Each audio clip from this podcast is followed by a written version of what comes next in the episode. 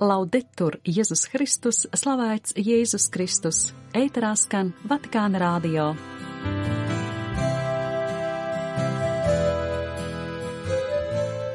Esiet sveicināti, dārgie radioklausītāji!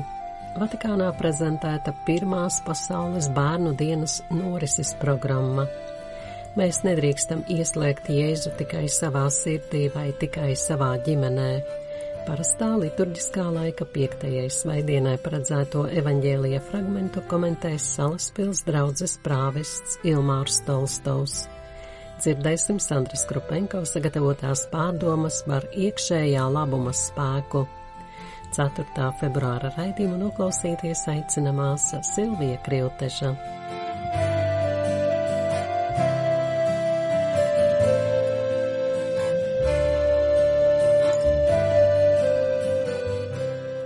Vatikāna preses dienests piekdien iepazīstināja žurnālistus ar pirmo pasaules bērnu dienu, kuru pasludināja pāvests Francisks. Svinības notiks šī gada 25. un 26. maijā, un tās organizē kultūras un izglītības dikastērijas. Šī novatoriskā iniciatīva ir mēģinājums atbildēt uz jautājumu, kādu pasauli mēs vēlamies atstāt nākamajām paudzēm. Runa ir par to, lai bērni būtu centrā un lai mēs rūpētos par viņiem, kā to darīja Jēzus. Pasākums, kura tēma ir Redzi, es visu daru jaunu, vienlaicīgi notiks Romā un diecēzēs visā pasaulē. Kardināls José Tolentino de Mendonca pastāstīja, ka pāvests nāca klajā ar šo ideju pēc tam, kad pagājušā gada novembrī Pāvila sastā zālē tikās ar vairāk nekā 8000 bērnu. Svētais tēvs vēlas, lai bērni būtu šī pasākuma īstie varoņi, tāpēc tieši viņi ir tie, kas šajā reizē uzdeva pāvestam jautājumus, nevis tikai nolasīja pieaugušo iepriekš sagatavotos jautājumus. Tā tas notiks arī pasaules tikšanās laikā, uzsvēra Marko Impaljāco. Viņš ir svētā džila kopienas vadītājs, kas ir iesaistījusies sagatavošanas darbos. Viņš atklāja, ka pasākumā piedalīsies arī bērni no kara zonām, kuri ar saviem vienaudžiem dalīsies sapņos par mieru. Marko Impaljācu raksturoja gaidāmās dienas kā prieka un cerības injekciju baznīcai. Savukārt kultūras un izglītības dikastērija prefekts tās nosauca par baznīcas kopības pieredzi, kas ir ļoti nepieciešama sašķeltības nomocītajā pasaulē. Tā būs sēklu iemešana zemē, kas ar laiku nesīs bagātīgus augļus, kā tas notika ar pasaules jauniešu dienām, uzsvēra kardināls Tolentino. Galvenais pasākums notiks Romā. Tajā pašā laikā pāvests vēlas, lai šī iniciatīva paralēli notiktu diecēzēs visā pasaulē un kļūtu par pastāvīgu baznīcas ikgadējo pasākumu kalendāra sastāvdaļu. Priesteris Enzo Fortunato, kurš ir pasaules bērnu dienas pasākumu koordinators, informēja, ka dalībniekiem tiek gatavoti trīs projekti - garīgais, solidaritātes un kultūras, kuros ar brīvprātīgo palīdzību būs iespējams iesaistīties jau nedēļu pirms tikšanās sākuma. Centrālais notikums būs sestdienas vigīlija kopā ar Francisku, kurā bērni dalīsies savās liecībās un izjautās pāvestu, kā arī svētdienas evaharistija. Organizatori uzsvēra, ka par bērnu tikšanās dalībnieku skaitu varēs runāt tikai tad, kad būs sākusies reģistrācija. Starp tēmām, kas tiks aplūkotas, ir miera veidošana, vides aizsardzība un attiecību veidošana ar Jēzu kā draugu un skolotāju. Pasākumā varēs piedalīties bērni vecumā no 6 līdz 12 gadiem. Katrai septiņu cilvēku grupai būs divi pieaugušie pavadoņi. Reģistrācija pasaules bērnu dienai sākās piekdien 2. februārī.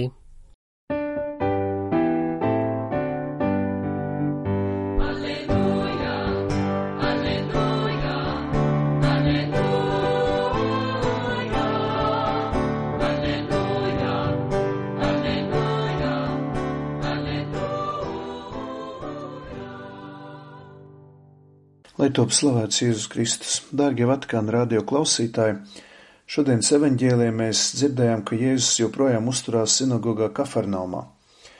Tikko viņš ir veicis egzorcismu, izdzinis ļauno garu un tālāk viņš dodas uz svētā Pētera namu, kur dziedina viņa sievas māti. Dziedināšana tiek aprakstīta ar diviem grieķu vārdiem - egerein un diakonei. Piecēl viņu un tā uzreiz kalpoja. Kad kāds cilvēks tiek dziedināts pašos tā būtības dziļumos, viņš uzreiz sāk kalpot. Kalpošana viena no atpazīšanas zīmēm, vai cilvēks ir piedzīvojis dieva mīlestības pieskārienu, un ka ir notikusi pilnīga atgriešanās, jo tikai tas cilvēks, kas ir atgriezies, kas ir kopā ar Jēzu, var kalpot no visas sirds, un tas arī notiek. Šodienas evaņģēlīja fragmentā ir redzams, ka Jēzus vēlas atbrīvot cilvēku no fiziskās un garīgās nebrīvas, dāvājot viņam iekšējo brīvību. Jā, visu cilvēku Jēzus vēlas atbrīvot, viņa dvēselu miesu. Tieši iekšējās brīvības visvairāk pietrūkst mūsdienu sarežģītajā un komplicētajā pasaulē, kas raksturojas ar izteiktu individualismu un solidaritātes trūkumu. No vienas puses, plašā socializācija ir it kā samazinājusi attālumu starp cilvēkiem, bet no otras puses cilvēks ir kļuvis daudz noslēgtāks pret apkārtējās pasaules un citu cilvēku problēmām. Tieši tādēļ evanģelizācija vispirms ir otra cilvēka un tā vajadzība pamanīšana. Neko nelīdzēs, ja mēs tikai informēsim otru cilvēku par labo vēsti, kuru atnes Jēzus. Cilvēks vēlas ne tikai dzirdēt, bet arī piedzīvot, sajust Jēzus atbrīvojošo vēsti. Tādēļ mūsdienu evanģelizācija tā ir spēja sajust un palīdzēt otra cilvēka vajadzībās, kas skar gan fizisko, garīgo un emocionālo vajadzību jomu. Cilvēkam ir jāsaskat tik vienā kristietī draudzē un kopienā vietu, kur viņš tiks pieņemts, saprasts un kur viņš varēs saņemt emocionālu atbalstu, kur viņš piedzīvos augšām celšos Kristu svētajos sakramentos un svētajā misē, un kur viņš saņems arī aizlūgšanas par savām problēmām un, ja nepieciešams, arī materiālu palīdzību karitatīvajā jomā. Pāvests Benedikts 16. savā enciklikā par kristīgo mīlestību Deus Caritas est ir uzsvērs, ka karitas vienmēr izriet no agapē, un diakonoju ir attiecība ar Dievu izpausme. Tādēļ padomāsim, kuras ir tās jomas, kurās es varētu vēl vairāk kalpot Dievam caur kristīgo kopienu kopā ar brāļiem un māsām. Jo tieši Dieva mīlestībā veikta kalpošana ir spēcīgākā liecība mūsdienu pasaulē ka Dievs ir klātesošs mūsu dzīvē. Jo ticība Dievam nav abstrakta, tā nav tikai informatīva, bet runājot arī pāvesta Benedikta 16. vārdiem, tā ir jābūt performatīvai, tātad darbīgai, tātad uz āru redzamai. Jo tieši mīlestības veiktajos kalpošanas darbos tā kļūst reāli un redzama. Varbūt tāpēc tik daudz mūsdienu cilvēki neusticas vairs baznīcai, ka viņi nespēja redzēt kristiešos šo aktīvo kalpošanu, aktīvo darbību, aktīvo liecību. Tāpēc būsim drosmīgi Jēzus nāves un augšām celšanās liecinieki. Nebaidīsimies no savas kristīgās dzīves liecības apkārtējai pasaulē. Jo Jēzus šodien saka, iesim, patiešām, celsimies un iesim. Priesteris Ilmārs Tolstovs, speciāli Vatikāna rādio no Salaspils katoļu draudzes.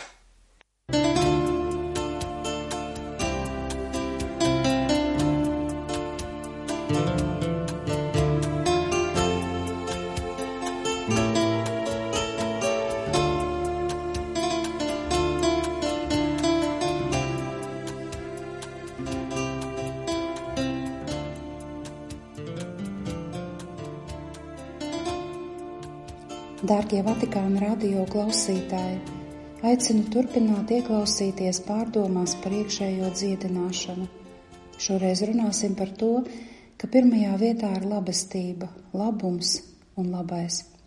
Viens no padomiem - paturot prātā iekšējo labklājību, kas mūs satuvina ar dzīvi, proti pieradīsim domāt un just to, kas labs, vienmēr un visur sniegsim priekšroku pozitīvām lietām ko dzīve izsēja pa pasauli, mūsos, citos, mūsu darba vidē, tajā, kas notiek vai ir noticis, un izcelsim to. Radināsim vērst acis uz to, kas sirdī rada prieku. Pirmkārt, prieks, lai ir kā iekšējais skatiens uz pasauli. Pozitīvas lietas ir dzīves epifānija, kas sniedz priekšroku labām lietām, rada labo, kas pirmajā vietā liek negatīvas, izplata ļaunumu, bet situāciju nemaina. Nevienam nav it viss, bet visiem ir kaut kas. Ja esam godīgi, visbiežāk mums ir jāatzīst, ka mums ir daudz vairāk nekā vairumam citu cilvēku. Ja to nedarām, esam negodīgi un nepateicīgi dzīvē. Atver acis labajam un skaistajam tavā dzīvē un tavā mājā. Tā ir tava sieva, tavs vīrs, bērni, darbs un mīlestība, ko vari dāvāt, un ko pieredzi pats no pateicīgiem cilvēkiem. Novērtē veselību, ierīces, mēbeles, kas izgrazno tavu namu, krāsainus savu bērnu zīmējumus, kas piekarināti pie tavām sienām, mūziku, grāmatas, mierīgas pastaigas ar dārgiem cilvēkiem. Rūpējies par augiem, kas ir tavās mājās, nekad nežēlotiem ūdeni, un tie nekad nežēlos tev ziedus un būs tavi draugi. Miljoniem cilvēku pasaulē nezina, kas ir grāmata, spilvens vai palodze. Šī pasaule ir tik sagurusi un nemierīga, jo neprot novērtēt mazas lietas. To izglābs mazi mīlestības žesti, mazi labestības asni un nevis ieroči vai pat kultūra. Mīli tīro un skaisto. Šķiet neticami, kā maigs skatiens vai rokas spiediens – ar mīlestību var dziedināt vēseles. Tas nenozīmē, ka svētā miera dēļ būtu jāatsakās no savas pārliecības, neredzēt ļaunumu vai izlikties, ka tā nav. Tā būtu liekulība vai naivums. Ir jāsaka tikai taisnība, un par laimi varam visur izcelt tikai labo, paliekot uzticīgi patiesībai. Kā pozitīva domāšana un īpaši pozitīvas jūtas – var dziedināt dvēseli. Mūsu domas, jūtas, vārdi, rīcības atgriežas ar savu saturu. Šajā gadījumā tas ir labais. Mums pašiem to neredzot, labais pie mums atgriežas. Domām un vārdiem ir unikāls atgādināšanas spēks. Tie dzimst no tēliem un rada citus tēlus, kas mūs uzrunā. Tādā veidā aizvien dziļāk iespiežas atmiņā, izrokot pārliecību un ieradumu vagas. Teikt nozīmē uzklausīt sevi, darboties nozīmē vērot sevi. Dienu pēc dienas mēs kļūstam par savām domām, savām jūtām, saviem vārdiem. Tas, ko mēs darām, nāk no tā, kas esam, taču tieši tāpat tādi, kā esam, veidojamies no tā, ko darām. Esam paši sev skolotāji un skolnieki, audzinātāji un audzināmie. Bieži dodam citiem to, kā pašiem nav vai vēl nav. Līdzīgi daudzas reizes pasakām vairāk nekā zinām un sludinām vairāk nekā paši praktizējam. Vai tā ir asprātība vai izlikšanās? Nē, tie ir mūsu ideālā es vārdi. Tā, kura mēs gribētu būt, izteikt mūsu reālajam es tam, kas mēs esam. Tā ir mūsu labākā daļa, patiesais labums mūsos. Šos vārdus mēs paši gribam sadzirdēt pirmie, iemācāmies mācot citus. Mēs mācām sevi, palīdzot citiem augt. Doma un vārds, apdzenot viens otru, skrien uz priekšu, kā noslēgtā aplī. Domas pārto par vārdiem, bet vārdi mums atgriežas kā domas, un nav skaidru robežu, kur beidzas viens un sākas otrs. Turpinājums sekos.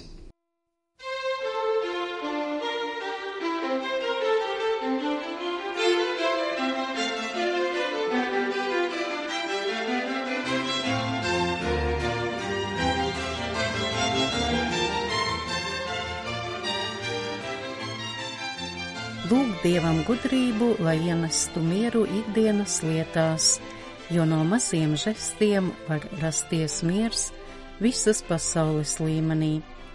Ielūkosimies kādā no sprediķiem, kuru pašreizējais pavists Francisks jau agrāk ir veltījis miera tematam. Viņš vairāk kārt ir atzīmējis, ka mieru var celt ne tik daudz ar lielajiem starptautiskajiem lēmumiem, cik ar maziem žestiem, ar sirdi. Svētajam Jāzepam sapnī parādījās eņģelis, kurš aicināja nebaidīties, ņemt par sievu Mariju, jo viņa pasaulē dāvās Emanuēlu, Dievu ar mums. Pāvests paskaidroja, ka Dievs ar mums tas ir miers. Šis ir svēto un grēcinieku ceļš, kas saka, ka arī mums ir jāpieņem šī miera dāvana un jāpadara par mūsu dzīves ceļu, jāļauj ienākt mūsos, ienākt pasaulē. Miers ir dāvana, dāvana, kura jāpieņem un jātīsta katru dienu. Tāpēc varam teikt, ka miers ir dāvana, kas kļūst par cilvēku rokām uzticētu meistardarbu. Tie esam mēs, cilvēki, kam katru dienu ir jāspēr solis pretim mieram. Tas ir mūsu darbs. Tas ir mūsu darbs ar saņemto dāvanu veidot mieru. Miers ir dāvana, pie kuras katru dienu ir jāstrādā, lai izveidotu meistara cienīgu darbu, paveicot ikdienas mazumu. Nepietiek ar lielām miera manifestācijām, lieliem starptautiskiem sajietiem, ja šo mieru neveidojam maziem gabaliem. Var runāt par mieru skaistiem vārdiem, var sasaukt lielu konferenci, taču ja tavā mazumā, tavā sirdī nav miera, tavā ģimenē nav miera, tavā kvartālā nav miera, tavā darba vietā nav miera, tad tā nebūs arī pasaulē. Pavists aicina lūgt dievam gudrības žēlastību, katru dienu veidot mieru mazās lietās, bet tai pašā laikā raugoties uz visas cilvēces apvārsni. Francisks aicina to darīt jau šodien, laikā, kad dzīvojam kara apstākļos, un visi prasa mieru Pāvests iesaka sākt ar sekojošu jautājumu. Kāda ir tava sirds šodien, vai tā ir mierā? Ja tā nav mierā, pirms runāt par mieru, sakārto savu sirdi. Kāda šodien ir tava ģimene, vai tā ir mierā? Ja tu nespēji rūpēties par savu ģimeni, savu draudzi, savu kongregāciju, vestos uz priekšu mierā, tad nepietiek ar miera vārdiem pasaulē. Tas ir jautājums, ko vēlos šodien uzdot. Kāda ir mūsu katra sirds? Vai tā ir mierā? Kāda ir mūsu katra ģimene? Vai mierā?